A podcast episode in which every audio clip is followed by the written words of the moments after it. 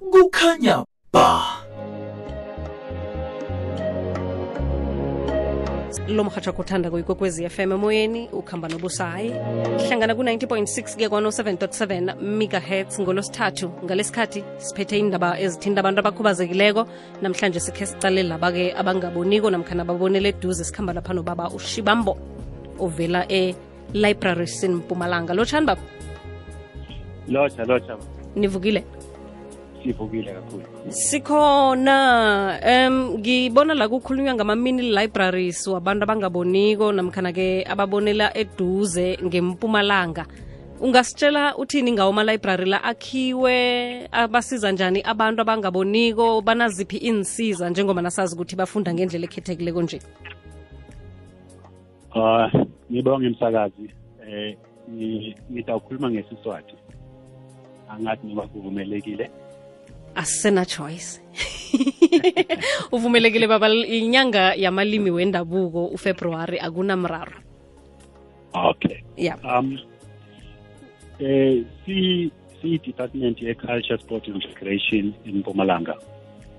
Uh, we are excited to offer this service to the most vulnerable uh, who happen to be the blind and the partially sighted. Uh, kuma-libraries wethu uh, ku-financial year ya 2019-2020 we've got 21 libraries that offer the service to the blind and the partially sighted. Each and every financial year, we then add seven of those libraries. ukusho ukuthi ngamanye amagama in our libraries we have a corner where we establish this library for the blind and the partially sighted now um ngasho ke msasazi ukuthi um eh ngenkangala nje sinawo nje out athi awake eh 2 4 6 eh emaphotla sinayo le service maphotla library siyabuswa library emalahleni library emhluzi egarage segoto nasemthonjeni library mm. so uh, ama-members esinawo across the province as we speak are registered sinama-members awu-433 which is a big number. We are very excited about it. Now um i-service lena esibone ukuthi ibaluleke kakhulu ngoba njengoba sazi ukuthi abantu bethu laba abangaboni esikhathini esiningi bayamarginalizwa. So Mm. as library service eh, senza sure ukuthi nabo sibaletha eduze sibakhombisa ukuthi nabo ba- ba- babalulekile as the members of the society.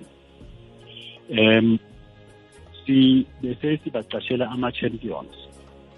Kuba nama-champions nam- manje sinama-champions awu-12 ama-champions lawo angabantu nabo abakhubazekile abangaboni nabo. Eh bangabantu nabo aba-assista laba abanye eh ukuba-trainer ukuthi basebenzisa kanjani ama-devices wethu ukuze bakhone ukuthola i-access to information. Because thina we are about access to information to everyone.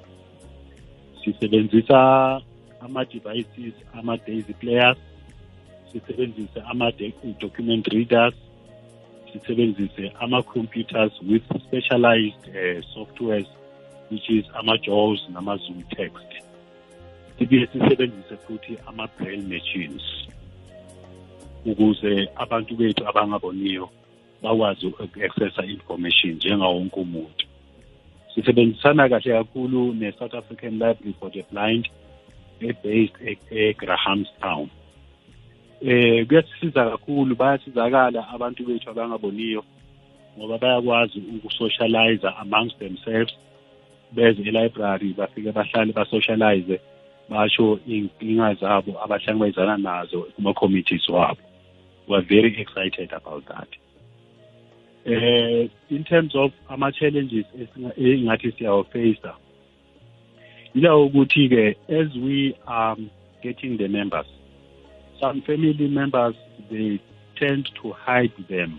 Bangabavumeli ukuthi baye ema-library wethu bayo-accessa information because baba nalokho nje ukuthi basaba ukuthi ababoni. Uyabona nje nto ukuthi umuntu ongaboni bamthatha kwangathi akasi-member of the society.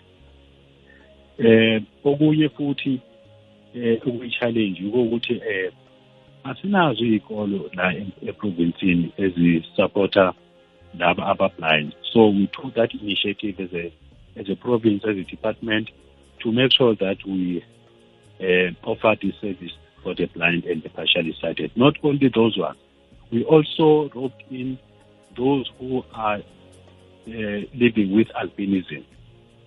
Uzo-understanda msasazi ukuthi eh nabo banenkinga yokubona ngisho. Mm, mm. yes yeah. And then eh la kulabo nje uma ngakhumbula kathi msasazi eh kule area semalahleni nje nolas nasikudala eh bekunalento ukuthi bayabulawa and all that and all that for ukuthi abantu bafine imithi yonke lento leyo. Kodwa ke bese kwenza ukuthi labantu bazifihle bangakhoni ukuya kuphumela ngaphandle.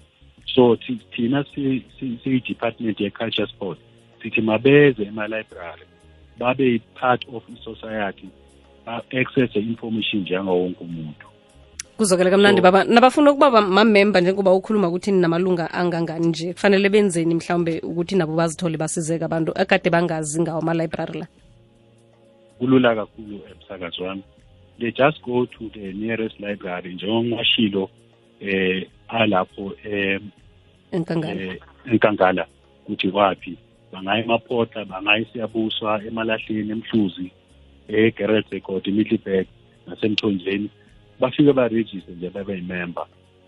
Kuphela nje njalo nje free of charge. Okay. Don't charge you don't charge anything. So bese baba member and then bese siyabatrainer on how to use these equipments. Mm. so each and every library ine champion ebatrainayo eh kuba lula uma batrainwa umunye wabo ongaboni Mm.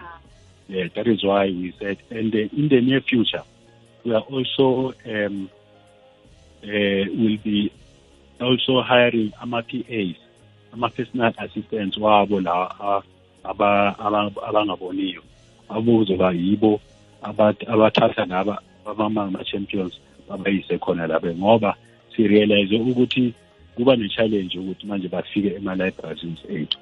And then okunye sikwenzile futhi si- si- si- siyi-department siyaba-transporta siyapilota ukuba-transporta wherever they are sibathwale ngoba kune-challenge ukuthi njengoba bangaboni akubi lula ukuthi bafinyelele ema-libraries wethu angisho nginjalo mm. mm. so siyaba-transporta siyapilota ukuthi siyenze i-transport iba available sibathathe sibayise wherever they are sibathathe sibayise ema-libraries wethu ukuthi bakwazi ukuthi basebenzise ama-libraries wethu because thina si- siyi-department sithi wonke umuntu noma ngabe ukhubazekile noma kanjani unelungelo le-access to free information.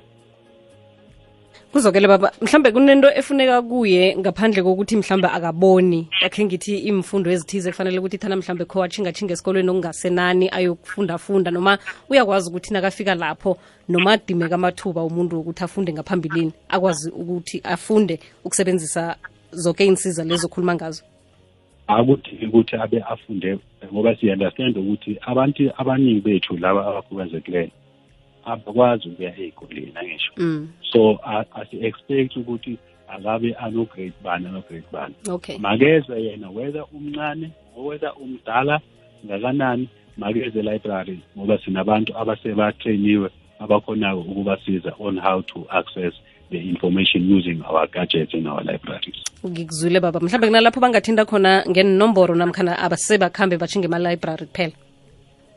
Ema-library abaye lapho library esengwashilo um eh, eh, eh, akhona lapho enkangala bazokwazi uku-accessa information. Kuzokele siyathokoza babushe bambo. Mhlawumbe before eh ngivala ngivumele msakazi ngisho ukuthi eh i- the initiative lena eh kunyaka wa 2018-19 financial year.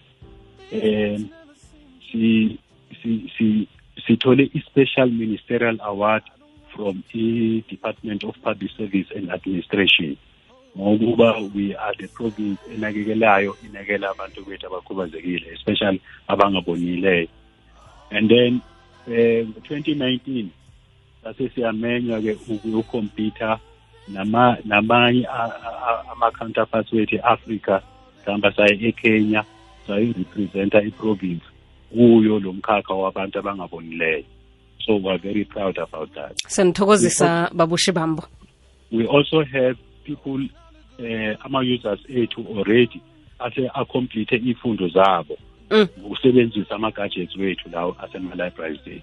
Siyabamema kahle kakhulu-ke ukuthi mabeze ema-library basebenzise ama-gadgets wethu akhona ema-library ukuze nabo basizakale. Sithokoze bese nithokozisa ngomsebenzi omuhle niwenzileko. Sithokoze msakazi. Nangambala ubaba ushibambo vela esifundeni sempumalanga emnyangweni wobukhwari namasiko bayatsho-ke ukuthi akhona ama-library nangabe mhlawumbe umuntu ongakhoni kokubona ungakuhamba uyokuthola ilwazi ukhulume nabanye godu abantu ngentshijilo enihlangabezana nazo bakhona bazokufundisa ngaphakathi. Ungathuka ungasaba. Kukhanya ba